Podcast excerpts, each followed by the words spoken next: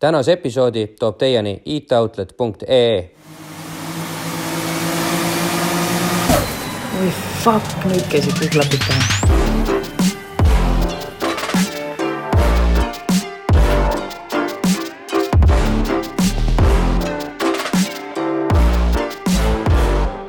Äh, tervitused Podcast Rent stuudiost, olete kuulamas autokultuuri teemalist podcasti Klapid pähe. mina olen Henri. Äh, mina olen endiselt Janne, et äh, nagu näete, oleme me tagasi siin mõnusas podcast rent äh, stuudios. väga mugav on jälle. kodune. väga kodune tunne on jälle, jah. jaa, aga minnes siis edasi nüüd meie taskuhäälingu juurde, siis räägime me ju igasugustel põnevatel teemadel äh, mis siis puudutavad erinevaid motoriseeritud liikumisvahendeid, vahel räägime me tuuningust, mis hõlmab ka näiteks jõudluse kasvatamist, teinekord aga nende tekitatavast äh, häälest. Kuid sel korral asume me lahkama hoopis helitehnika ja soundi maailma. ja, ja sellel äh, rajal oskab meid kindlasti juhtida mees, kelle autoteemalisi foorumi ja sotsiaalmeedia postitusi on tuhanded autohuvilised äh, teist lugenud ta on ehitanud lugematul arvul ulmelisi heliprojekte, seda nii heli kvaliteedi parandamiseks kui noh, ka füüsiliste piiride katsetamiseks. Ta on vedanud pikalt samasisuliste võistluste korraldamist ning tundub, et armastab ka väga Audisid. tere tulemast saatesse Bass Soundman, tähendab Tõnis Vesialik. no tere, tere, on väga suur au siin olla väga cool, et meid on, me, meil on nagu mitmeid kordi lausa küsitud sind siia, et või ku, et, et millal tuleb Tõnis, et kas te ka teda kutsute? noh, näed sa, aga no, jõudsin siia. jõudsid just, just. väga tore. aga minnes siis kohe asja juurde, et äh, millest see Bass Sound Man nimi tuleb? jah. Tegelikult tuli see umbes, ma arvan, äkki keskkoolist või kuskilt sealtkandist, et äh, tuleb tagasi minna sinnamaani, kus sai peale kooli mindud Sony Centrisse, vaadatud, oi, siin on ilgelt suur äge muusikakeskus.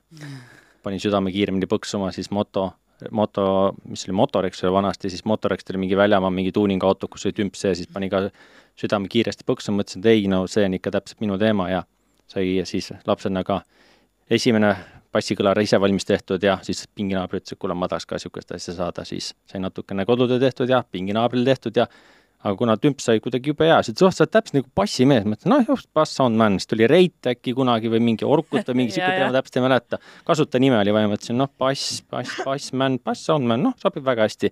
ja kõik hakkasid kuidagi selle järgi mind kutsuma ja jäi külge, jah? ja see jäi kuidagi nii külge, et, et kõik ütlesid, davai, et lähme bassiku juurde, et see teeb normaalse asja, et, et seda asja kuidagi väiksena, väiksena see asi hakkas väiksest mm -hmm. asjast pihta ja läks edasi nagu väga-väga suureks, et kasvas ise. kuule, kuidas, noh, ma eeldan, et sa oled ju sama vana umbes kui meie ja siis, kui, mis sa ütlesid, keskajal on ju, okei okay,, siis info oli juba veidi kättesaadav, kus sa said nagu, sa hakkasid ise tegema, on ju, kus sa said infot, et mismoodi tuleb üks bassikast ehitada, sest noh, mina enda peas mõtlen, et no mis see on siis, vineeri paned ja siis teed selle kõlariaugu ja siis mingi auk on seal millegipärast veel, okei okay, mm, -hmm. paned selle ka ja no. aga noh, tegelikult ma tean, on ju täna juba, et seal on mingid päris mõõdud ja asjad, et kus, kus sa seda infot said tollel ajal? tol ajal väga ei olnudki, sest et ega seda internetti kui sellist, nagu me täna teame, tol mm. hetkel ei olnudki, et natuke oli paberi peal kirjandust, midagi see natukene ra-, äkki kooliraamatukogust, rahvusraamatukogust, midagi natuke internetis kuskil foorumitest, Youtube oli siis väga algeline, et siis sealtpoolt väga midagi võtta, et natuke sai nagu uuritud sellist teaduspõhist asja ja katsetatud tol hetkel nii-öelda internetist allalaetavate nagu erinevate sound'i kalkulatsiooniprogrammidega, aga kuidagi see nagu tunnetus, et mida ma arvutis näen ja mis nagu päriselt, kuidas ta töötab, see nagu hakkas kuidagi mul jube hästi kokku nagu minema, et, et kui ma arvutis midagi tegin, nägin neid graafikuid, asju, siis ma teadsin umbes, kuidas ta päriselus nagu toimima hakkab. et see nagu, see touch tekkis nagu hästi ruttu. ja, ja siis ma hakkasin loomulik taju ilmselt olemas selle jaoks. jah, no mul on lapsepõlves ka saatja matemaatika, füüsika olnud natukene selline võib-olla tugevam pool ja siis sealt see asi nagu klappis hästi kokku aga kui nüüd, noh, sa mainisid nüüd, eks ole, kooli ja seda asja, et aga kas siis eh, kuskil saab sellist asja ka päriselt õppida või see on kõik puhtalt eh, ise vaadatud, läbi katsetatud? minul on puhtalt ikkagi ise õpitud, katsetatud, ma olen meeletult katsetanud mingit asja, et noh, teen mingi asja valmis, mul on alati olnud huvi proovida katsetada seda erinevat ühtpidi, teistpidi, muudan mingeid parameetri asju, et ma tahan teada, et kui ma nii teen, et mis ta muutub, sest tol hetkel nagu reaalselt nagu mul ei olnud võimalik, kui ma olin seal kuueteist aasta, mul ei olnud võimalik seda testida, mul ei olnud aparatuuri, mitte midagi aga just see nagu tunnetus tekkis hästi hea, et kui ma mingeid asju muudan, et siis ma tean, kuidas ta nagu käitub. no ma mõtlen seda, et noh, et ja. kui sa näiteks ütleme, et autod huvitavad, on ju mm, -hmm. siis me kõik teame, et on nii kutsekas kui ka Tehnikakõrgkoolis, Tehnikaülikoolis võimalik õppida näiteks autotehnika eriala või autotehnikuks ja mm -hmm. noh, sealt juba edasi minna, et kuidas võimsust kasvatada ja kõike seda nii teoreetiliselt kui praktiliselt, aga kas auto audio puhul on ka mingi koht, kus on nagu võimalik teda nagu akadeemiliselt äh, ennast täiendada? Eestis ma tean, et äh, Tehnikaülikoolis on paar loengut, äh, olen neil kõigil käinud, on pigem aastast kaheksakümmend neli et, et see õpik, mis sa leiad Rahvusraamatukogust, see on täpselt sama, mida TTÜ-s antakse, võib-olla täna midagi muutub, ma ei olnud vii-, koolis ammu käinud, et ei tea, aga ka tol hetkel ja ütleme, et ka siin ütleme kümme aastat tagasi Eestis sellist nagu võimalust ennast täiendada ei olnud. no mina seda kaheksakümne neljanda aasta õpikut tõenäoliselt küll maha ei kannaks, sest ei, pole absoluutselt muutunud selle aja jooksul ja ja, ja mõnes mõttes, kui sa ennem mainisid, et internet oli lapsekingades, siis samas mõelgem ka seda, et müra oli palju vähem. jaa, mis on täna Sama näiteks ajamist oli palju ja. vähem täna nagu, mis on kõige suurem probleem ühiskonnas, on see, et, et väga paljud tulevad mingi jutuga, et oi, kuule, niimoodi, niimoodi, aga inimesed ei teadvusta omale seda infot, mida nad loevad. kas see on kvaliteetne või see on müra mm. -hmm. et kõike võetakse kullana, reaalsus on niimoodi, et täna on üheksakümmend protsenti on muda ja kümme protsenti on kulda ja need, kes kulda räägivad, neid reeglina naerdakse välja. jah, ja noh, kakskümmend, kakskümmend, umbes kakskümmend aastat tagasi olid need Vastupidi. raamatud, mis olid nagu päriselt välja antud, need olid nagu reaalselt nagu teaduslikult katsetatud meetodid, eks ole. ja, ja et tegelikult kõik see heli taandub ikkagi nagu füüsikale ja matemaatikale, et, et seal on nagu, kes sellest nagu noh, tol hetkel oligi see, et, et kuna seda nagu infot, kuidas asjad toimivad, ei olnud, asi oli teaduspõhine, mina lähenesin asjale pigem nagu sealtpoolt nurgast. noh, nii palju, kui seda infot tol hetkel mul kättesaadav oli. noh, eks internetist, kui midagi tekkis, sai ka loetud omasugustega räägitud ja ja nii edasi, et väljamaal tekkisid mingid sõbrad, kes infot jagasid ja noh, sealt see asi nagu hakkas äh, veerema. aga miks just nagu ikkagi nagu auto heli on see, mis sind nagu paelus, et kui me räägime mingi a la jõu kasvatamisest autol, siis on asi ju üsna lihtne, et äh, lased auto põiki ja tunned läbi oma tagumiku, et kurat, jumala äge on, eks ole, et noh, sa saad kohe nagu selle tohutu emotsiooni ja mingi oht on kohe, adrenaliin läheb üles, aga noh, kas nagu helitehnika no tema emotsionaalsus on kindlasti vähe teistmoodi, et, et miks just sinul see suund nagu sinna läks, et autod ju olid teema igatepidi ja ka isegi autod natuke nagu autospordipisikud vahel sees, et autod on olnud lapsepõlvest saati, juba väga-väga lapsepõlvest saati äh,. Esimese mänguautoga sai mängitud äh, ma arvan, siis, kui juba hakkasin roomama. aga miks just autoheli, on see, et, et tundus kuidagi teistmoodi. see on see, mida nagu Eestis väga ei tehtud ja alati pani südame kiiremini põksuma. miks, ma ei tea, lihtsalt niisugune sisetunne, et sealt, äh, see oli midagi, mis nagu kõnetas lihtsalt, no mõnda kõnetab maalimine, mhm. teist mhm. joonistamine, mõnile meeldib muusikat teha, mulle meeldib seda ehitada. et, et just see katsetamine, see asi meeldis hirmsasti, noh. niimoodi hakkaski minemagi, et kõigepealt tegid pinginaabrile või kellele sa tegid ja siis tuli ja. järgmine inimene ja. ja siis ta niimoodi kasvas, et neid mhm. inimesi mm -hmm. kogu aeg tuli ukse taha, kuule, et sina oled see, kes oskas ja või oskad teha ja siis äh, niimoodi see klientuur alguses kasvas või? täpselt nii oligi, et, et tegin pinginaabri, pinginaabri sõbrale, siis keegi tuttavale, siis keegi soovitas, keegi uuris, noh siis see juba nii-öelda oli, tol hetkel oli see Street Race foorum, seal sai, sealt mingid inimesed kirjutasid, kuule, sa tegid kihvti asja, et ma tahaks ka ja nii edasi. et tol hetkel ma küll käisin koolis ja tegin kooli kõrvalt, aga aga millal esimene niisugune auto tuli siis? Endale tegid autole mingi heli või, või oli keegi, kuule, et äh, sina oled neid äh, kaste teinud, et kas sa teed mulle autosse ka? just, oligi nii, et, et äh, tegime bassikõlari kasti ja siis kuule, äkki vahetad kõlari ka ära ja, head mõned kaabrid ja võimend ja see oli nüüd juba auto, eks ole? jah, see on ikkagi kogu aeg on, me räägime autost, et jaa, aga mis esimene auto siis oli, millel sa hakkasid niimoodi ütleme nii, et näppima neid asju? ma arvan, et eks ta mõne sõbra või pinginaabri või mingi niisugune auto oli, ma praegu isegi praegu kohe niimoodi paugust ei meenu, mis see võis see esimene auto olla, kus nagu kõlarid ja niisugused suuremat asju sai tehtud. et seda ma olen isegi täitsa mõtlema, praegu isegi, praegu isegi ei meenu. ma arvan, et äkki pinginaabri auto võib-olla oli, kus vahetasime kõlarid või midagi niisugust mm. -hmm. mingi vahe mainisid sa ka oma mingit isa autot, kas see võis olla äkki selline Focus? see oli tegelikult äh, minu esimene auto, et tegelikult äh, isal oli Ford Mondeo, milles ka see üks väike nii-öelda oli niisugune suur tõuge, et et äh, isa ostis äh, Ford Mondeo, aga kuna heli oli kehva, siis sai Eesti ühes ettevõttes, äh, isa lasi paigaldada uued kõlarid ja viie kanaliga võimendi. no viie kanaliga võimend tähendab, üks võimendikanal läks puuprile, aga puuprit esimese hooga ei tulnud, aga no matsu oli ikkagi vähe. ja siis sai noores tehnikus käidud uudistamas toodet nimega subwoofer. aga kuna see hästi ei sobinud sinna pagasnikusse, sai mõõdud üles võetud ja kodus natukene neid nii-öelda mõõte kohendatud ja koos isaga esimene vuupri käest tehtud, ma küll ei mäleta, vanaema siis oli äkki mingisugune neliteist, viisteist, kuskil sealkandis äkki või, või kuusteist, noh, umbes midagi niisugust. ja siis, aga kuna see asi tundus nagu ilgelt kihvt, tore, siis mõtlesin, et, et aga et miks mitte, siis hakkasin tol hetkel seda asja uurima ja kaks aastat hiljem vedasin mingisuguse suure viieteisttollise kolli koju ja tegin sellele nii-öelda vastavalt oma teadmistele kasti ja siis sai nagu matsu juba palju rohkem. aga ma saan aru, et su isal on ka siis mingi helipisik või et temale, et ta ka tahtis nagu mingit niisugust no eks hea heli meeldib paljudele, et kuna originaal Fordi heli oli nagu kehva ja isale meeldib ka muusikat kuulata, siis, siis ta mõtles, et, et aitab ka sealt, aga noh, ma seal kõrvalt vaatasin, noh, ilgelt lahe, ilgelt tore, eks ole. järgmine kast tuli ise teha ikkagi täitsa nullist ja siis sealt juba edasi tegin veel vingema kasti ja mm -hmm. siis pinginaabrile ja nii edasi, et sealt kuidagi see niimoodi võrgustik pihta hakkas ja laiali läks. See mm. -hmm see auto tuli siis äh, hiljem, ma saan aru? see oli siis, kui ma jah, kaheksateist sain, et, et, et, et see nagu nüüd pereautos sai siis nii-öelda minu auto ja ja sinna ma, see on nüüd esimene auto, kuhu ma ise ka natuke heli tegin, et, et seal vahetasin uksekõlarid ära ja noh, siin on väike kast. väike kast, jah.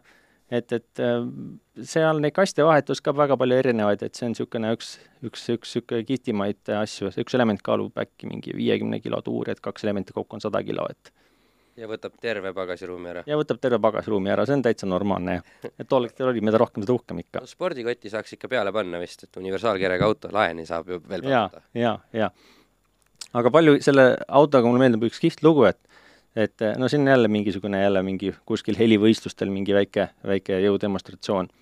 et seal autos tegelikult kunagi oli üks niisugune äh, helirõhu võistlusklass, kus oli piiratud võimsus ja selle piiratud võimsuse juures kasutati sagedusi kahekümnest kaheksakümne hertsini ehk väga lai spekter. ja kellel siis nagu äh, mängib seda kõige valjemini, kõiki neid sagedusi, on siis nii-öelda selle piiratud võimsuse puhul võimsam. ma mõtlesin väga lihtne, võtsin kõige võimsama kaheteisttollise bassikõlari, Pioneeri oma, DSV viis tuhat SPL äkki oli mudel, kaks kõige suurema efektiivsusega võime, võimendi, mis tol hetkel raha eest saada oli, ja nägin kastiga kõvasti vaeva aga tulemus sai nii hea, et, et tegin sellega mitteametliku maailmarekordi. päriselt või? jaa. kahjuks ta küll kirja ei läinud, sellepärast et ta nii-öelda maailmaorganisatsioon siis seda nagu ei saanud tunnustada -hmm. sellepärast et see Eestis tol hetkel nii-öelda nii-öelda mõõtmistega korralda, no see ettevõte, ütleme, see organisatsioon, kes helirõhuvõistlusi mm korraldas, see ei olnud seal nagu maailma organisatsiooni nagu liige okay,. aga kui ma kodus vaatasin oma tulemusi, võrdlesin kõigi teiste maailma tulemustega, siis ma olin teistest ikka nagu tubli jagu ees, et aga et noh, juhtus kogemata, täitsa kogemata niimoodi põmm-põmm aga kas sellist asja usuti ka mujal maailmas? kindlasti sa ju sellest kuskile kirjutasid nagu foorumis. väga vähe, ega ma sellega väga kelkima ei läinud, et noh, ta oli mitteametlik tulemus, et noh, mul on küll kõik ametlikud pildid ja värgid mm., näed, niisugune tulemus niimoodi kõik, et, et et selles mõttes tagantjärgi mõne, mõni tüüp on nagu öelnud, et vau, et see oli tõesti, et nagu tol hetkel päris äge. Mm, sest muidu mulle kõlaks see natukene niimoodi, et kui mingisugune noor naga kuskilt, kuskilt Eestist kaugelt tuleb, see oleks sama nagu öelda, et oh, mul on siin seitsmesaja hobujooline auto ja ma sõitsin kaheksa sekundi aega. jah no,, absoluutselt nagu,. keegi ei usu seda elu ja. sees, on ju, et see nii juhtus. jah, et no tal, kuna see oligi see, et see oli nagu mitteametlik, siis ma ta nagu väga ei eksponeerinud, aga noh, selles mõttes, et kes teab, see teab ja et tol hetkel nii oli ja ja selle autoga meenub mul veel üks seik siis, kui mul oli see nii-öelda see võistluskass oli sees, ma ei mäleta, ma tulin vist äkki, see küll konkreetselt ei ole võistluskast, ma võistluskasti pilti vist ei õnnestunud kuskilt välja võluda, oli niisugune äh, kast oli peaaegu sama suur, tõstetud ilusti nende pagasniku keskele õhku ja bassikõlar suunatud taha, aga ta mängis hästi laia vahemikku, ehk siis kahekümnest hertsist kuni kaheksakümne hertsini ja madalad otsas raputas, raputas päris hästi. sinul, Janne, saaks juuksed ilusti niimoodi lehvima. ja tulin Haapsalust, ma ei mäleta, kas see oli Haapsalus mingid tümpsuvõistlused või oli mingi kiirendusvõistlus, mida ma käisin vaatamas jälle ja ja vaatan Haapsalust mingit kolm tšikki hääletavat või kaks tšikki hääletavat tee ääres. ma mõtlesin, kuhugi kiiret ei ole, võtan peale. istusid põmm taha ja hullud jutukad olid, küsin, mis muusikat kuulad, noh, räpp ja mingit niisugust mõnusat bassi ja värki ja noh, panin mingil, oo, väga-väga hea, väga hea, lase seda. siis küsisin, et kõvaks võib panna. tšikk ütleb, no pane nii palju, kui tuleb ma ütlesin, no ega ma ei las kaks korda öelda, nii palju kui torust tuli tol hetkel ja käisin bassimatakas käis, siis efekt umbes selline tagant ja siis hakati mind käega ta hullult taguma, et oh, lõpeta ära, lõpeta ära, lõpeta ära. me tahame ruttu maha saada. no ja siis saimegi vist mingi, ma ei tea, kaks kilomeetrit sõita, et tšikid tahtsid maha saada, noh. päriselt, jah? ei sobinud, ei sobinud, mõtlesin, no okei okay,, noh. panin tšikid viisakalt maha ja sõitsin koju, noh ühesõnaga, sellega muljet ei avalda naistele, ma saan aru, jah? no see konkreetne vist on nüüd ühel mingi Rapla võistlustel, kus oli ka niimoodi, et, et tekkis umbes neli päeva enne võistlusi mõte, et teeks poistega midagi hirmus ägedat. meie siis... kuulajatele teadmiseks näeb välja nagu see lind joonil kont-, kontserdil, kus pannakse otse see tuul jaa, näkku puhuma ja jah, aga siin on see tuul on konkreetselt tehtud ikkagi nagu bassikõlari põmmaki Mhm. matsuga, et, et ja lööb prillid eest ära ja no prillid eest ära ei löö, aga ta värist-, väristab ikkagi ilusti ära, et see oli jah, hästi populaarne, populaarne toode oli niisugune. et ma arvan, et Eesti nägi enam-vähem esimest korda nagu avalikult niisugust autot, mis suudab nagu juuksed lehvitada. aga mina olen alati mõelnud, kui ma olen siukseid videosid näinud, kus äh, inimestel niimoodi juuksed lehvivad ja no mingites videotes on, olen minu arust näinud, et kellelgi on prillid eest ära lennanud, et täiesti normaalne. et aga mida see kõrvadega teeb, kõrva kuulmisega? kui sa lühiajaliselt tarbid, ta tegelikult ei tee nagu midagi. Löö kõrvakile puruks? no kõrvakirja ta ikka puruks ei tee jah, aga selles mõttes, et äh, kui sa tarbid teda nagu ikkagi nagu pikemalt, siis ta ikkagi nagu kõrvakiljale võib teha ikkagi haiget. et noh, teaduslikult on tõestatud, et noh, valimuusika või suur rõhk ikkagi teeb kõrvale haiget mm, -hmm. aga kui sa tarbid ta nagu korraks ja lühiajaliselt niimoodi pistad pea sisse või oled seal mingi kümme sekundit, noh kuhugi maani on ta nagu lühiajaliselt okei okay,, aga kuskilt maalt läheb see helirõhk nii suureks, et ta võib nagu tõesti kõrvakilja katki teha. no kui me juba räägime siin sellistest asjadest, et eh, kumb siis see ohtlikum kõrval on, kas madalsagedus või kõrgesagedus? Ehm, helirõhk ja helitugevus on natuke nagu erinevad asjad, aga, aga ütleks, et madala sagedusega on see võnkumine nagu nii palju aeglasem, et sa suudad teda nagu taluda. no ma toon näite, et noh, helitugevus näiteks mingisugune number sada viiskümmend detsibelli, siis see tundub inimesele väga-väga erinev, kas ta näiteks on kahekümne viie hertsi peal või ta näiteks on mingi viiekümne hertsi peal. Mm. et see viiekümne hertsi peal, see on nagu intensiivne põrin ja see võib tunduda nagu palju teravamalt lõikavam ja palju valusam kui see, et, et sa näiteks kuulad mingit madalat bassi või madala räpiga lugu ja vopa, vopa, vopa, sada viiskümmend ilgelt mõnus, kõik rapub, ilgelt lahe. Et see on jah, kuidas kellelegi, et, et ma ütleks, et võib-olla kõrget sagedust on natuke ebameeldivam taluda, aga madal sagedus jällegi raputab oluliselt rohkem. Mhm. miks vahel kõrvad vilisevad? sest et sa oled kõrvakiljad on nii palju tööd teinud, et nad ei suuda enam maha rahuneda. okei okay,, aga see tuleb siis nüüd nagu madalatest sagedustest rohkem või jällegi kõrgetest? mõlemast, mõlemast. heli, heli tugevusest pigem, et kui sa lähed kontserdile ja kuulad terve nagu poolteist mm. tundi kontserdit, kusjuures kontserdi keskmine helitugevus on Euroopa Liidus regule-, reguleeritud, et see peab olema nagu ühtlaselt umbes sada detsibelli, et kui sa kuulad seda ma detsibelli, jah, umbes poolteist tundi, et, et siis pärast tulevad ja kõrvad vilisevad. aga kui sa kuulaksid seda sadat detsibelli näiteks kaks minutit, siis ei ole mitte midagi, see mitte mingit mm. -hmm. mingit, mingi vilinat Mhm. aga kui sa kuulad kaks minutit näiteks kontserdi, mis on sada kakskümmend detsibelli, no siis sa saad kõrvad vilisema. no see on ka ju mitukümmend korda nagu füüsiliselt võttes valjem, eks ole Jaa.. sa ei taju seda niimoodi oluliselt valjemana. jah, heliskaala on niimoodi, et, et äh, iga kolm detsibelli lisa on kaks korda valjem. Mhm. ehk siis kaks korda rohkem energiat kulub siis selle nagu tekitamiseks või Abs- nagu jaa. füüsiliselt võttes. sada kakskümmend detsibelli versus sada kakskümmend kolm detsibelli, need on kaks korda valjem, ehk siis ta on kaks korda valjem ja selleks, et tekitada seda nagu kol-, kaks korda valjemat heli on vaja kaks korda rohkem nagu piltlikult öeldes võimsust. nii, aga mis vahe siis on helirõhul ja heli valjususel või sellel, noh, kuidas ma nüüd katsu dumb it down, räägi rumalale. rumal mina ei saa midagi aru jah, räägi mulle nagu. noh, kuidas ma ta niimoodi ongi keeruline, ma tean. seda on jah, ütleme, et jah, rahvakeeli võib-olla keeruline, et üks on siin nagu see, kui suurt survet avaldatakse heliga mingit teatud nagu ruumale ühikule ja teine on siis nagu see helinivoo tugevus või noh, mis me kuuleme kõrvadega, et kui nagu vali see heli nagu on. füüsika versus tajutav. jah, no ta on natukene, kuidas ma ütlen siis nagu hobujõud versus Newton-meeter, et okei okay,, et nad ikkagi on väga otseselt seotud teineteisega, kuid nad on lihtsalt erinevalt mõõdetavad asjad. eh, mõlemaid mõõdetakse detsibellides ahah, no Jaa. nüüd see läks jälle keeruliseks tagasi. jah, et, et mõlemal on sama nagu ühik, aga nad natukene nagu avaldavad, et need, see rakendus on natuke erinev jah, et ühega me mõõdame seda, et kui valida nagu kuuldub ja teine on see, et kui palju jõudu ta avaldab. Mhm. pigem see võib-olla niimoodi oleks nagu lihtsam nagu öelda rahvakeeli. aga kas selliste autodega, kus või sellistel, sellised masinad, noh, mida me siin korraks oleme nagu näidanud ja maininud mm. -hmm. kus on meeletu suured eh, helirõhku tekitavad kõlarid siis mm, Mm -hmm. kas nendega muusikat ka päriselt kuulata saab? nii ja naa, et äh, osad süsteemid on sellised, mis ongi ehitatud selleks, et nad suht kitsast nagu konkreetselt mingit äh, vahemikku või mingit muusikastiili nagu väga kõvasti mängiks. ja osad autod on niisugused, mis siis on ehitatud niimoodi, et nad mängiksid kõike hästi valjult.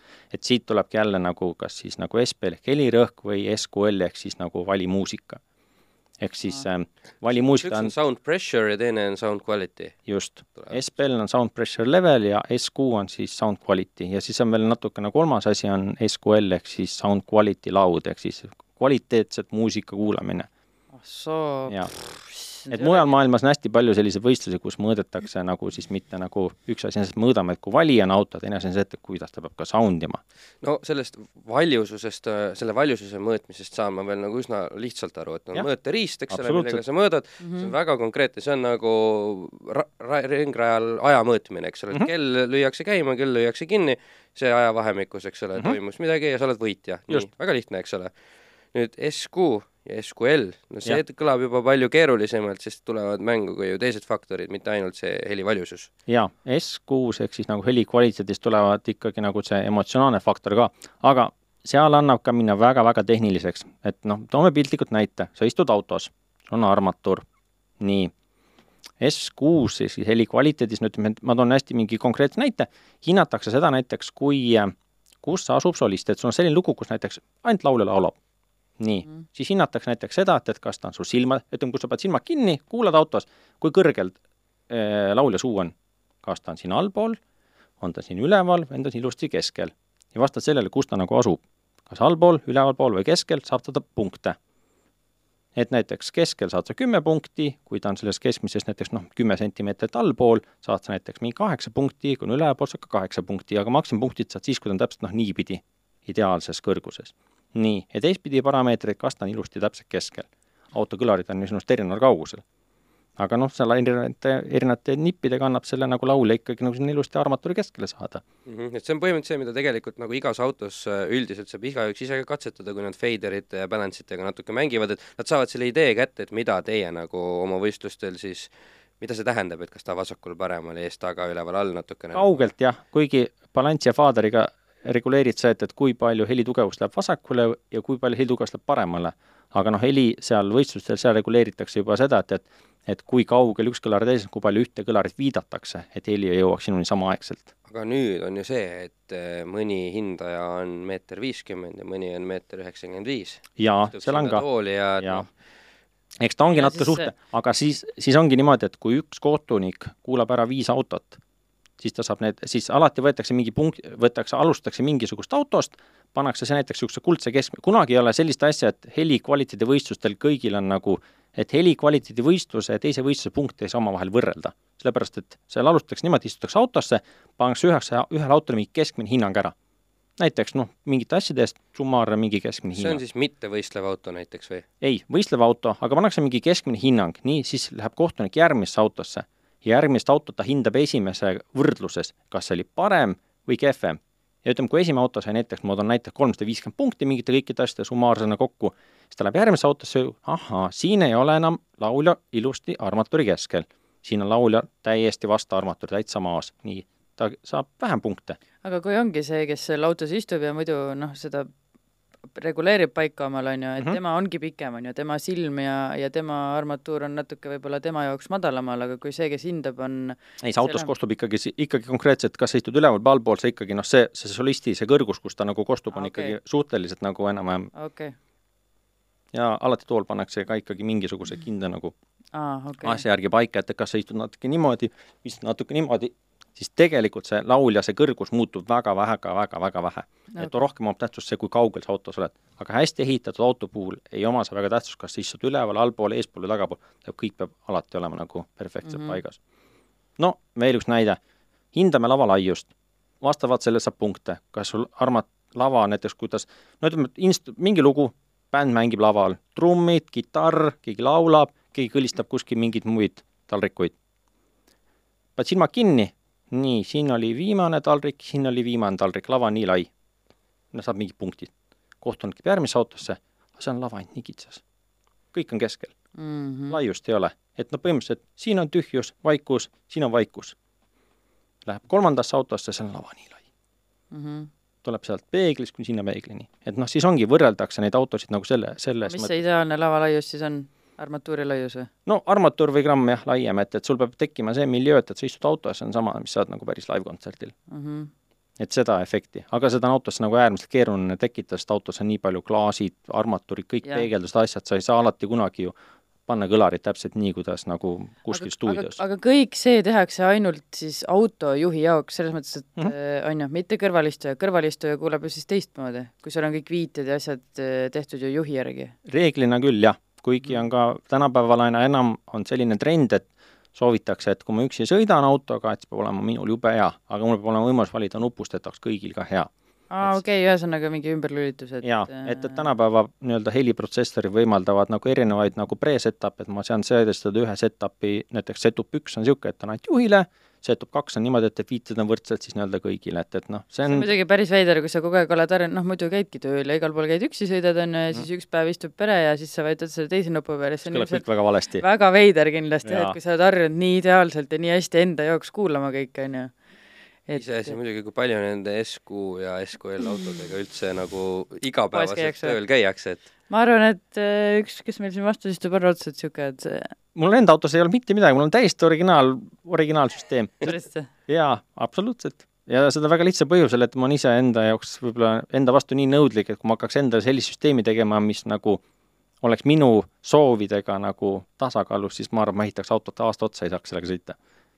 Et mul tegelikult on täitsa heli jaoks eraldi auto olemas, aga, aga kuidagi jah, niimoodi ajapuuduses pole nagu seda visiooni, mida ma sinna tahaks ehitada, pole nagu aga Mhm. kõri- kõdisevasse plekkpurki istumine siis ei ole suur piin või? et natukenegi parendada oma igapäevasõidukit. aga võib-olla on see läheb alati vastupidi, lappama, see läheb alati lappama. võib-olla on just vastupidi, et sa tahad nagu korra puhata sellest nii erilisest äh, kuulamisest äh,, et siis tahadki nagu hästi lihtsat asja. võib-olla ka see, et, et ma saan oma nii-öelda klientide ja sõprade autode peal oma nii-öelda ideid ja asju välja elada, et ja, jah, noh, see on umbes sama nagu, miks sina tahad mingi selle, mingi tavalise E-klassi või mingi A8-ga sõita, et sa rajal elad ennast välja ja siis sa võidki iga päev sõita mingi ega see kihutamise ka, et kui sa lähed ikkagi, teed ühe tõsise rajapäeva ära, ega siis sa pärast koju ei kihuta. sa sõidadki nagu pensionär. Ehk heliga on sama teema, et kui sul just võistlusel väga halvasti ei läinud. jaa, et mm, tahad täiega koju, eks ole. aga suures pildis ikkagi nagu sa, et kui sa saad selle oma nii-öelda kõik selle sisemuse Just. ikka kuskil välja elada, siis seda nagu pärast enda just, autos nagu ei taha, et just seda ma pakkusingi, jah Jah. Mul on olnud tegelikult mitu autot, kus on hea heli olnud sees, kus ma olen ise ehitanud, aga pahatihti, pahatihti on alati olnud see, et, et ruttu, ruttu, ruttu, kõik kokku kuskil üritusel, käime ära ja siis ta kuidagi niimoodi alati on jäänud, et et ma ütleks, et klientidele ja sõpradele saab see nagu süsteem alati viis korda parem, kui on saanud iseendale, et, et et seal Mhm. võtad kuidagi nagu asja selles mõttes ikkagi pühendumusega, et noh, see tuleb teha nii, et, et see kõik on tipp-topp, et mm. -hmm. aga kui me nüüd ikkagi nagu rääkisime üsna pikalt sellest võistlemisest ja kõigest sellest, siis äh, ma kujutan ette, et need autod ju, millesse selle süsteemi ehitada, toorikutena on juba ju väga erinevad ja väga erineva võimekusega, et äh, sina oled pikalt võistelnud ju mingisuguse vana Volkswagen Golfiga. jah, tegelikult ma parandan, see ei ole konkreetselt mu isiklik auto, see on mu hea sõbra auto, kus me oleme siis nagu koos seda nagu ehitanud, et, et noh, minu ideed ja visioon ja kõik niisugused asjad, et kuidas see asi nagu valju, valjult kõlaks, on nagu jah, seal autos, et et see ei tundu, minule nagu asja võõra inimesena ei tundu mulle kõige parem toorik just selline pisikene õhukesest plekist auto. kusjuures tegelikult on tegemist Eestis äh, vaieldamatult kõige populaarsema tümpsuautoga. seda, seda väga mitmel põhjusel, esiteks on sellest on väga lihtne ehitada, teiseks on see, et, et sinna on väga lihtne, seal mootoriruumis on palju ruumi, kuhu saab näiteks lisageneraatorit panna, Eestis on üks auto, kus üks autol on äkki neli generaatorit peal, et genekatest tuleb üle tuhande. sellisel golfil. täpselt samasugusel golfil, jah. just. on vana pisike diiselmootor, siin ette on suur räkk tehtud, seal on üks, kaks, kolm, neli kenekat, niisugune korralik rivie. jaa. pagasnik on hea väike ja kereresonants on suhteliselt niisugune mõnusalt kõrge ja kere resoneerib äh, nagu kaasa teatud sagedusel väga efektiivselt. oota, mis see nüüd tähendab? kas väike pagasiruum on nagu hea asi selle siis puhul? väike pagasiruum ei ole hea asi, aga pigem ütleme, et see auto pagasiruum on piisavalt suur, et sinna teha selline kõlarikast, mis selles autos hästi nagu aa, okay. palju helirõhku toodaks või ütleme, palju suurt kõva nii-öelda müra teeks. oota, mis sa selle kõrgusresonantsi ja sellega pidasid silmas, et E, igal kehal või detailil või materjalil oma nagu Jah. võnkumine, eks ole. ja selle auto kere resonants on väga sobilik nagu sellise helirõhu võistlemiseks ja see efektiivsus, mida see auto nagu kaasa võnkudes annab, on väga kõrge. ühesõnaga, et ei olegi iga suvalisse autosse ei saa, et autodel on ka ikka vahe, jah? no ikka väga suur vahe, jah. on vahe alumiiniumkerega või siis tavaline jaa pleki?, alumiinium on väga halb, sest see on väga pehme. vot siis. ja ma eeldaks, et praegu või noh, mis ma, ma arvan, et mis ma õppisin praegu sellest, oli see, et väiksed ja lühikesed pinnad on paremad. Sõltub sagedusest, kui väiksed lühikesed pinnad on kõrge sageduse jaoks head, kui sul on suur ja pikk auto, siis pigem on suures autos madalsagedus parem, kuna ma-, suured detailid võnguvad aeglasemalt, ehk siis resoneerimine toimub madalamatel sagedustel okei okay,, aga nii, klaasipinda rohkem või vähem? mm,. sõltub pigem klaasinurgast ja kas klaas on kumer või sirge. issand, niisugune teadus ikka. ja, ja samuti seal läheb väga, väga nagu keeruliseks, et kas me räägime helirõhust või heli kvaliteedist mm. -hmm. heli kvaliteedis omavad hästi palju tähtsust, millised need klaasinurgad ja klaasipeegeldused ja, ja muud sellised asjad, mis kõike segavad. miks on ka stuudioseinad summutatud, sellepärast et see heli põrkuks siin ruumis ringi. et autos on sama lugu, et mida rohkem see heli seal ringi põrkub, seda mudasemaks see helipilt läheb. aga me tahame ju puhast heli saada. aga siis äh, paned ka niisugused švammid seina? no aga kuidas sõida autoga, et auto on ümberringi svamm, sellest väga õudne ju. ei no pannakse ju, need custom autod on igast nende vaipade ja asjadega, laed ja kõik, noh, sama ju. no eks ikka osad panevad ka, et, et polstrit tehakse pehme Alcantaraga üle, et heli ei sum-, et heli ei peegeldaks nii palju autos ja nähakse okay. ikka igasuguste, minnakse päris hulluks selliste asjadega. vot äh, selle peale ma tõesti isegi ei olnud mõelnud, et nagu nii suur vahe võib autol ja autol olla, et äh... jah, see on äh, konkreetne tulemus püsis Eestis kümme aastat. sada viiskümmend kaks detsibelli. jah, et, et konkreetses võistlusklassis äh, see tulemus, mis sai ta-, maha tehtud, jah, ma just eile õhtul vaatasin, oli täpselt kümme aastat enne, kui see sai üle tehtud meie küll kahjuks üle ei teinud, me olime kümme aastat pausi, et, et, et äh, pole nagu kümme aastat või ütleme, sellest ajast saati mm. väga võistlemisega tegelenud, rohkem võistluste korraldamise ja, ja klientide aitamise ja ütleme, pigem siis nagu endaga know-how teistele nagu jagamisega rohkem, et oota, te korraldate võistlusi, on ju? Ja nüüd mitu aastat ei ole teinud, aga muidu eelnevalt jah, ligi kümme aastat sai neid aga siis tuleb sinu klient sinna võistlema, kes on äh, omale esitanud selle nõudmise, et noh, et tee nii, nii hea, et ma selle võistluse võidaks ja siis selliseid kliente küll kahjuks äh, ei ole olnud või õnneks, aga, aga ikka kliente, kes on nagu ehitanud oma autot selle mõttega, et ma saaks ka helirõhuvõistlustel käia ja seal mingi adekvaatse tulemuse, neid ikkagi on olnud, jah. aga sel aga selles mõttes ma segan veel, et, et aga võistlus on lihtne, konkreetne, sa pead anduri klaasile mõõdad, ega kohtunik seda mõjutada tulemust ei saa. Ma just tahtsingi seda küsida, et kas sellel alal on võimalik ka petta? Äh, on ja näiteks teha autosse keelatud modifikatsioone võib aeg-ajalt. mis see tähendab? no ei, nagu igas võistlustel on alati mingid reeglid, kus ei, ma saan aru jaa, aga mis, mis see seal keelatud sellises asjas on? ei no kui oleme kõik näiteks reeglites kokku leppinud, et näiteks reegel on see, et kogu helisüsteem peab mahtuma pagasiruumi. aga on näiteks lubatud iste alla lasta, iste võib olla klapitav, lased istme alla, peatoed lähevad alla, heli liikumine parem. noh, näiteks oletame, et petmine siis näiteks see, et helisüsteem on nii, niimoodi ehitatud, et iste ei lähe enam originaalselt üles-tagasi noh, et seal on nagu see niisugune koht või näiteks, et lakke on lubatud panna näiteks neli kihti mingit helisummut- või heli nii-öelda pleki eh, vibratsiooni yeah. paigale saamiseks mingit helisummutusmatti, aga mingi vend on lopi-, toppinud näiteks kümme kihti. noh, see on nüüd ütleme siis ke-, kuidas sa seda saad kontrollida? no reeglina kogenud inimene koputab Aa, koputab ja saab kohe aru, kas see on nagu on või ei ole. kuigi meil täna seda reeglit enam ei ole, aga vanasti oli, et tohtis mm -hmm. olla ainult üks kiht neljamillimeetrist materjali muidu mingid vennad panid bituumenit niimoodi kümme sentimeetrit kuhugi, eks ole, et, et auto jäik oleks. aga kas keevitada tohib autot? Äh, tänavaklassides ei tohi, aga ekstreemklassides on väga paljudes lubatud. miks keevitada vaja on? sa teed jäigemaks auto niimoodi. vähem mängib kaasa kõiksugu konstruktsiooniliselt. jah, näiteks maailma tippheli rõhuautod, neil on niisugused kakskümmend sentimeetrit paksud uksed, mis on betooni ja rauda täis, klaas on näiteks kakskümmend sentimeetrit paks What the hell? oota, aga kas siis see igasugune auto vedrustus ja niisugune asi mõjutab ka ju? no ju noh, ma ei tea. ikka, kui sa selle betooni täis valad selle autoga, siis see tuuakse kraanaga kohale või? tuuakse kraanaga kohale, jah. siis küll, aga ma mõtlen, noh, meil siin, meie, meie siin tagasihoidlikutes klassides. on nad üldse sõitvad autod reaalselt sellised?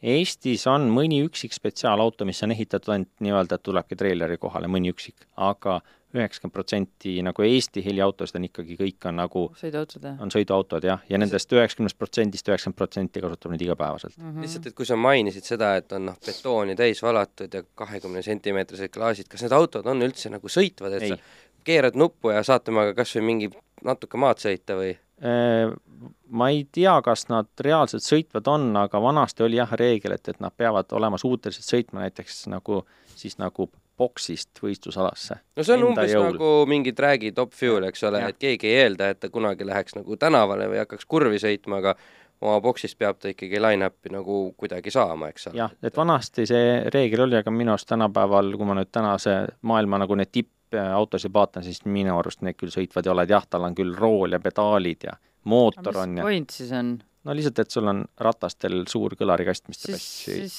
võib ju lihtsalt hakka konteineri sättimisvõistlusi tegema, noh. no ega ta täna, see maailma tipp enam-vähem sealkandis juba on, et, et võetakse mingi autotoorik, mis meenutab autot, aga sinna sisse tehakse nii-öelda betoneeritakse auto lihtsalt suures kõlarikastikesse, aga noh, see läheb juba väga-väga teaduslikuks, kuidas need niisuguseid võistlusi ka on, et äh, kõigile kümnele võistleja antakse üks toorik ja kõik peavad tegema sinna selle parima versiooni? jaa, jaa.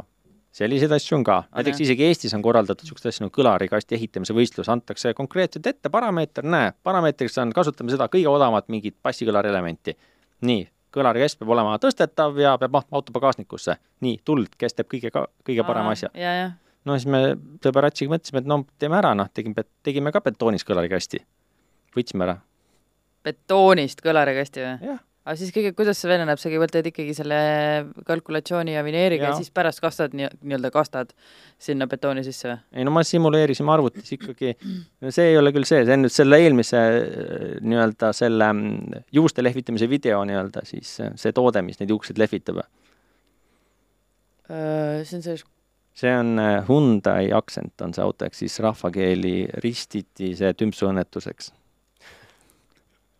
issand jumal, kui raketimootorid on seal. suur see värk siin on, jah. et kui keegi jällegi kuuleb ainult meid, aga ei näe meid, siis see oleks täpselt nagu kaks raketimootorit kõrvuti jah, ja, või mitte raketi, vaid nagu need eh, noh, hävituslennuki või mingid niisugused eh, reaktiivmootorid oleks kaks tükki kõrvuti ja siis veel mingisugune hiiglaslik õhu liikumise kanal või liigutamise kanal, et täiesti müstika ikka, mida nagu autodesse ehitatakse sisse. kuid tegelikult ma tahtsin küsida, et noh,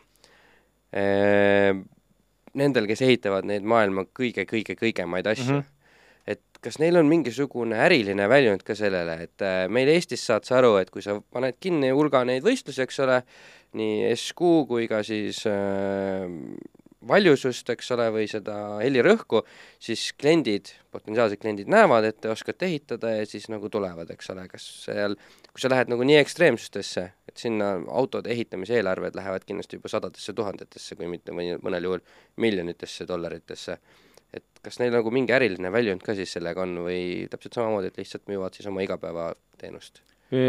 Väga paljud sellised tipptegijad, kes nagu tegelevadki selle maailma tippvõistlemisega, neil reeglina ikkagi see auto ja see asi ei ole nagu väljund, et see ongi puhas hobi. aga väga palju on ka selliseid autosid, mis on spetsiaalselt ehitatud nagu demomiseks, et noh, näevad hästi ägedad välja, väljast, hästi ägedalt välja seest, hästi palju kõlarid on, teeb uksed-aknad lahti, mängib hästi valjult. et, et seal on juba äriline mõte taga, et, et demost, demoda nii-öelda neid tooteid või siis neid lahendusi või seda firmat, kes seda autot teinud aga kui me räägime võistlemisest, siis väga suur enamus ikkagi neid, kes nagu tegelevad maailma tippvõistlemisega, see on ikkagi hobi.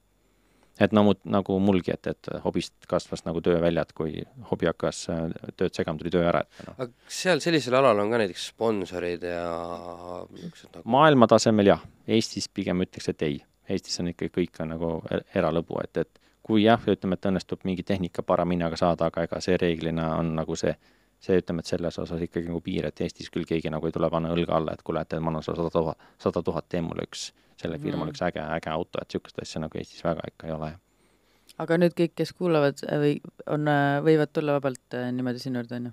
Ei no kes tahab raha tuua, võtame kõik raha vastu, aitame raha ära kulutada, aga selles mõttes me kindlasti pakume selle eest midagi vastu ka, et mina oleks just arvanud, et nagu niisuguse nii-öelda tänava kvaliteedis asja puhul võiks olla selles mõttes lihtsam leida sponsorlust, et kui on mingisugune uus a la kõlaritootja või üritab nagu turule tungida, et siis nagu enda promomiseks lihtsalt mm. -hmm. läbi mõnede Mõte oleks- võistlejate nagu oma tooteid annab näiteks kasutada või mõte on nagu hea, aga reaalsus paraku ei kipu sinna nagu väga jõudma, et, et et noh, selliseid üksikuid, väga väi-, üksikuid näiteid ikkagi Eestis nagu on, kus mingisugune firma on natuke nagu no kas saanud siis nagu tooted, nagu mingi osa tooteid nagu ülihea hinnaga või siis midagi natuke tasuta, aga aga et keegi, kes oleks tulnud, et kuule, et, et teeme nüüd ühe auto, et ma maksan otsast lõpuni kõik kinni, et niisugust ma nagu väga ei tea. või siis on see niimoodi, ei, avalikkus ei räägita sellest, et et kui mingi auto on valmis tehtud, et kes seda sponsoreeris või niimoodi, et aga avalikult mina küll ei tea, vähemalt meie ka ei ole ühtegi sellist autot nagu kellegi kolmanda raha eest nagu ehitanud, et okei okay,, no ütleme nii, et ma enam-vähem kujutan ette, et mis võib maksta nagu automootori tuunimine ja niisugused asjad, et noh, enam-vähem mingisugune aimdus on olemas. aga see helitehnika, kas seal maksab rohkem töö või on need asjad ka väga kallid? kui minna Ee, nagu seal on nii ja naa, ütleme nii, et, et kõlab üks väga kuldne ütlus, et odav kõlar hästi paigaldatuna kõlab palju paremini kui kallis kõlar kehvasti paigaldatuna. Ehk pahatihti on nagu see, et kui sa võtad nagu lihtsa tehnika ja näed kõvasti vaeva, siis saad väga hea tulemuse. kui sa oled kalli tehnika ja näed vähe vaeva, siis sa ei pruugi seda tulemust saada. ja ometigi, kui mul bussil visati mingi paar elementi, vahetati originaalid uute vastu, siis ta kõlas kümme korda paremini. no ja nii ongi, osades autodes ongi see li- lihtne, et sa vahetad kõlarid ära ja juba ongi väga hea. aga noh, sealt annab ju veel nagu kõvasti minna, nagu eks auto mootorite tuunimisel ka, et, et kui sa keerad nii-öelda džipid ära, on ju, auto läheb tunduvalt ägedamaks, kiiremaks, võimsamaks, aga tegelikult, kui sa noh, vahetad juba kolvid ära, paned kõik custom jupid kapoti alla ja suurema turbo ja keerad rõhku peale, siis noh, me räägime hoopis millestki muust, eks ole. eks heliga on ka see sama lugu, et, et kui sa vahetad kõlarid ära, see on nagu džippimine, aga kui sa ehitad seal uksepaneelid ringi ja lisad kõik mürasummutusmatid ja paned õige maki ja õiged kaablid ja õige protsessor ja paned mingi mees, kes selle õieti häälde paneb, see kõlab ikkagi täitsa next level. nagu võrdluseks, et kui sa viskad umbes rekka turboga, teed ülihea seade, et see võib olla palju paremini sõidetav ja palju vingem sport või auto kui näiteks Preci-, Precisioni turboga ja kehvasti paigaldatult ja halvasti seadistatud auto puhul, ja et noh, olen seda ka oma sõprade pealt näinud, et suur turbo võib olla üks asi, kallis turbo hoopis teine asi. jaa, heliga on täpselt samamoodi, et kusjuures see asi, mis me siin pildil näeme, on reaalselt vist mingi, ma arvan, mingi paari päeva kokku visatud, et see oli niimoodi, et sõp-, vaatasime, et, et võistlused tulevad, teeks midagi ägedat. no ütleme nii, et selle nagu tehnilisest lõpp nagu niisugusest esteetilisest välimusest on see ka näha, võrreldes siis noh, mingisuguse niisuguse nagu päris valmis asjaga, et äh, kus on ikkagi ilusasti valgustatud kastid ja kõik muu see. aga kas sellel nagu mingit praktilist väärtust ka on peale välimuse, et nad tehakse niimoodi nagu pleksiga ja, ja valgustatult ja puha, et Plexi väli, siin me ütleme, et valgustus ja pleks on puhtalt ainult disainielement ja see kogu see nii-öelda, miks need võimendid seal maas on ja miks see kondekas seal keskel on, see on puhtalt ainult disaini värk. et selles mõttes, et selle auto praktiline väärtus on ainult see, et, et sa saad sinna reaalse paar spordikotti panna ja ikkagi, ikkagi nagu mõistlikult nagu vedada. Sinna peale võib panna paar spordikotti? sinna peale põhimõtteliselt võib panna, jah. väga ilus näeb välja küll, jah. vanker muidugi ei mahu sinna. jah. sellel konkreetsel kliendil vist vankriga veel probleeme ei olnud. ei noh, on ju, on ka kliente ju, kes tulevad, eks ole, lapsevankri soovidega ja puha, et äh, et tee niimoodi, et äh, mahuks ka noh, jalgrattas, lapse jalgrattas või midagi ära või? ja kusjuures selle auto mul tuleb üks lugu meelde, me olime selle auto ehitusega enam-vähem poole peal ja siis äh, meil just niimoodi, et kast oli sees, ütle korra ära, mis asi see on üldse, mis toorikuks on? see on äh, Subaru WRX STI ProDrive Solberg Edition. väga haruldane auto selles mõttes Eesti mõistes, et okei okay. nii, lugu. see lugu oli niimoodi, et, et ehitasime seda autot, kast oli seal sees ja mingil ajahetkel lihtsalt oli vaja pagasniku luuk kinni panna, ma isegi ei mäleta, mis täpselt asjad olid, noh, põmm lõime luugi kinni, aga Subarul on niimoodi, et seal juhi jalge juures on see ha-, hoob, mida saad tõmmata. tõmbad, mitte midagi. Pagasniku nii-öelda luugis oli väike tuuning tehtud, et oligi noh, luuk oli siledaks tehtud, ühtegi auku ega mingit asja ei olnud, et väljastpoolt avada ei saanud ja siis oli pandud siis nii-öelda mootor. aga mis siis oli? tross ei tööta, elektriga ei toimi, mis teha? küsime kliendi käest, et mis me siis teeme nagu, et, et aut-, pagasnikust vaja saada ju, aga lõika auk. noh, meil tehtud, okei okay., võimend asju polnud, siis lõikasime lihtsalt varrattani tutika Subarul tühjaks niimoodi, klient tuli sinna, natukese aja pärast vaatas lihtsalt niimoodi läbi auto, oma tutika auto niimoodi betoonpõrandat. ahah, olgu, börs otse ring läks minema. issand jumal. aga ei, me panime kõik ilusti kõik kokku tagasi, hermetiseerisime ära ja kõik, kõik noh, tulemus jäi tipp-topp taga, alla, alla läks veel difuusor ja Mm -hmm. et seda nagu polnudki nagu näha, et, et sai korrektselt ära lahendatud, aga aga lihtsalt jah, näide, et kuidas, ma ei mäleta, palju krooni all see auto maksis, see on isegi veel krooni all ehitatud auto, et et lihtsalt niisugune suur plekikärakas tutikal autol põhja seest ära lõigata. Oota, aga äh, siis oli see kast juba sees või? kast oli sees, aga võimendeid Aa, veel ei olnud okay, okei, aga okei. läbi, siis oligi see niimoodi, et, et kuna luugile oli vaja ligi saada Mhm. ja läbi selle, läbi selle nagu klaasi ei saanud sellele luugile, aga kuna tegemist oli kahekümne senti, kakskümmend millimeetrit paksu pleksiklaasiga, siis sellest ei ole võimalik läbi tungida. ja selles kandis pisikest august ei olnud võimalik teda saagida ega midagi, pleksiklaasi sa ei saa lihtsalt niimoodi, et multituuli joos väikse augu sisse, ta on nii kõva lihtsalt. okay. Et noh, meil oligi niimoodi, et me vist ühe proovisime klaasist läbi tulla, aga klaasist ei saanud läbi tulla. sest see lihtsalt sellest kahekümne sent-, kahekümne millisest pleksit ei ole võimalik läbi tulla inimlikult, sa ei saa seda mitte mingi see on tõesti ikka väga paks. sa ei lõika seda mitte ühega millega asjaga. te lõikate siis need asjad paika mõõtu? platesaega ikkagi. et noh, Okei. kui on kandil see asju ja kui on vaja mingeid kujundeid, asju teha, siis on ikkagi kakskümmend milli või? jah, kakskümmend milli jah, et see oleks paigal, et see ei väriseks. et äh, suured äh, töötlused platnesae peal ja siis, kui on kumerad pinnad, siis tellime CNC eest ikkagi nagu lõikuse, sest ise ei ole võimalik seda lõigata, see nii paks. see on väga, väga halb materjal, mida töödelda. ehk siis see pleksiklaas, ta täiesti töötab ikkagi nagu kõlarielemendina kaasa nii-öelda. ei, ta on, ta on nagu kõlarikast. kõlarikastina jah, et ta on nagu osa kõlarist ikkagi täiesti, et ta ei ole lihtsalt ilu pärast sinna pandud, kui sa selle ära võtad, on sound kohe teine. ei no ta on jah, ta on nagu kõlarikasti sein, kõlaril on ju neli mm. -hmm. nii-öelda kõik, kõik seinad, et ta on ikka nagu üks sein, et selles mõttes, et mitmemilline see vineer siis on, millest ülejäänud asjad tehtud on? ma eeldan, et seal on vineeri ka kasutuses. jaa, ülejäänud kõlarikast on ikkagi vineerist, et selles autos vist äkki oli kakskümmend üks millimeetrit, aga noh, meil on projekte, kus me oleme pidanud kasutama kuni kuuekümne millimeetrist vineeri. kuuekümne millimeetrine vineer. kujutage endale ette, kes te kuulate, et see on äh, natuke pikem kui tikutops. mm -hmm. Rets. risti pannes. jah, siin autos näiteks on ka, tegelikult on ka väga õhukest vineeri kasutatud, sest et see kast on hästi nagu äh, miks läheb vineeri paksus äh,, miks läheb vineer paksus, kui lähevad detailid lähevad mm. suureks? et mul on ikkagi see pind nagu nojah, et ta paigale ei painduks, on ju, niimoodi Jah. läbi ju. ja mida rohkem kõlari sisse nii-öelda poste ja tugesid panna, seda rohkem see õhu liikumist nii-öelda aga takistab. need trollid, kes seal nüüd kasti sees on äh, seal kahekümne millise selle taga, et kas need nüüd ei häiri seal midagi või? tegelikult see tahtsime midagi, klient soovis, et või oli äkki kliendi kaasa, et tehke midagi nunnut ka, siis me läksime mänguasja poodi, ütlesime, oh, need on nunnud mänguasjad, panime liimigi sinna kasti sisse, et midagi ägedat oleks. kusjuures see on täielik publiku magnet oli selles mõttes, kõik väiksed lapsed, oi, sissi, vaata ja, mis ja, siin ja, on. ja, Jah. ja. on, on jah. Need autod on peaaegu kuulikindlad siis? Noh, kuidas võtta, heliautod, mis on spetsiaalselt helirõhu võistlemiseks ehitatud, need on ikkagi väga kuulikindlad, et nad on täitsa plahvatuskindlad, et sest noh, kui sa ütled, et sellest kahekümne millisest ei tule mitte mingi valemiga mõistlikult läbi, siis ilmselt peab ju käsirelva ka kinni. kakskümmend milli peab kindlasti käsirelva kinni. ma ei ole küll relvaekspert, ma ei tea sellest midagi, aga ma olen üsna kindel, et, et sellest ikkagi sellise li- rahvakasutuse relvaga läbi ei tulista. Nii et siit kõigile soovitus, kes oma elu pärast kardavad, pöörduge Tõnise poole, et ta ehitaks teile normaalse helisüsteemi sisse. saad kuulikindla auto ka veel? jah, kuulikindlast rääkides, meil oli isegi üks tiimiprojekt, kus me lasime eritellimusel teha uue esiklaasi. lasime vist neli klaasi, lasime sodiks, siis vaatasime, et nii ei lähe, lasime mis mõttes lasid klaasi sodiks, et nii muusika oli nii vali, et, et läks esiklaas läks katki.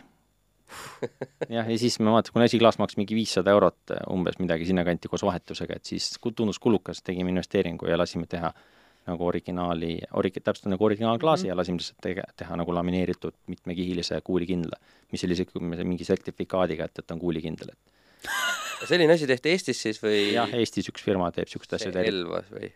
Tartus seal Tartus. kuskil jah, jah. aga ja kui sa saladusele, mis selle hind oli? äkki mingi kahe tuhande euro tuuri või? Noh, nojah, neli, neli esiklaasi kindlasti jah. jah, aga sellega saime ikka tulemust nagu paremaks, esiklaas oli paigal ja ta ei läinud enam katki. aga küljeklaasid ei ole samast kohast mõelnud? küljeklaasid on väiksemad, et ta võngub nagu Mhm. vähem, et, et see Mhm. konkreetses autos ei olnud probleemi, aga, aga on selliseid autosid ka, kus küljeklaase on vaja ka järgi aidata, et lähevad katki, et aga ilma naljata, saategi teha kuulikindlaid autosid, lihtsalt et nad on ka siis funktsionaalsed. jah, saab teha. Et mitte lihtsalt kuulikindlad, vaid et seal on ka mingisugune teinegi praktiline väärtus, saad lihtsalt Mhm. parema heli ka täitsa müstika ikka, täitsa uskumatu. jaa, aga kõik kliendid ei tule alati lihtsalt ju nagu heli kvaliteedi pärast, eh, vaid noh, nagu mõned vahel tulevad ka ju lihtsalt sellepärast, et tahaks ilgelt valjut autot saada. jaa, no siin on näiteks üks auto, üks klient, kes soovis, et, et äh, tahab, et muusika oleks väga hea, aga peab olema väga-väga vali. Et kui ta autos sees ikkagi nuppu keerab, siis on ikka muusika väga vali. minul oli reaalselt kolm minutit ja mul kõrvad vilisesid seal autos. see on siis Volvo XC üheksakümmend. jah, täiesti igapäeva, igapäevaauto, mängib äh, väga hästi muusikat ja mängib, pahatihti on see, et inimesed ehitavad oma ilgelt suure puuprikasti, ilgelt mõnus, jõmakas, jõmakas mm. Käib pagasnikus, aga esiots, mis nagu kust siis nagu muusika tuleb, et seda nagu väga tihti järgi ei aidata, et ütleme, et ei ole teha väga keeruline autot, mis mängiks väga kõvasti tümpsu. Aga on väga keeruline teha autot, mis mängiks kõike ja väga valjult. et seal mm., seal läheb asi juba nagu väga-väga tehniliseks ja tema tahtis, et kõik oleks Jah. valjult, on ju. et kui sul oleks seal põhimõtteliselt sealt altotsast kuni ülesotsa välja, kõik oleks ilusti tasakaalus ja kui sa keerad ja keerad ja keerad, ta läheb kogu aeg valjemaks ja valjemaks ja valjemaks ja lõpuks ta on nii valje, et sul endal on seal autos nagu väga ebameeldiv olla, et et siin on, siin on ka auto igapäevane funktsionaalsus nagu täiesti säilinud ja siis äh, esiuksed ja on isegi niimoodi vaadates võrdlemisi originaalne näeb kõik välja, noh, et makk on vahetatud, aga no kellel Mhm. siis makk vahetatud poleks teatud vanuses autodel, on ju, et jah, sest et lihtsalt sa teatud vanuse makiga, sa ei saa lihtsalt tänapäeva nagu funktsioone. aga kuidas on nüüd, ütleme selles mõttes popikama autoga, ma lihtsalt oskan enda auto näiteks tuua, et äh, kui sa ütled, et selleks, et äh, veel paremat heli saada, tuleb, on ju, tõenäoliselt makk välja vahetada, et noh, et see originaal seal ju on niisugune, ilmselt niisugune keskmine. Mm -hmm. aga kui mu terve auto on selles makis, selles mõttes, et mul ongi ainult üks ekraan, mul ei ole mingit makinuppe, on ju. igapäevane probleem, igapäevane jah, ma probleem. mõtlen, et kuidas seda nagu lahendate? seal annab lahendada mitmeti,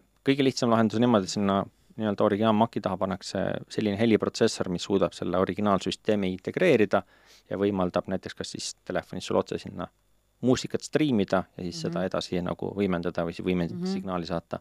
noh, eraldi on ka võimalus, et ehitatakse autosüsteemist eraldi üldse helisüsteem, et sul on helisüsteemi jaoks eraldi nagu juhtseade üldse, et et sa nagu kõik hands-free'd ja raadiod käivad ikkagi läbi eraldi uue nagu seadme, aga auto originaalekraani peal jooksevad kõik auto asjad edasi.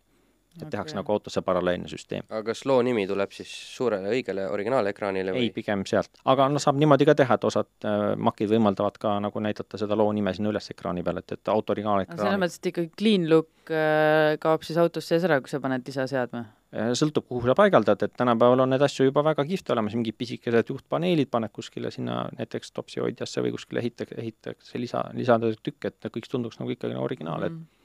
et see integreerimise võimalusi on nagu täna ikkagi nagu väga-väga palju, et, et kõik on fantaasia ja raha taga ainult kinni mm, -hmm. et et seda auto originaalsüsteem integreerida helisüsteemiga on tegelikult on väga lihtne, jah? jaa.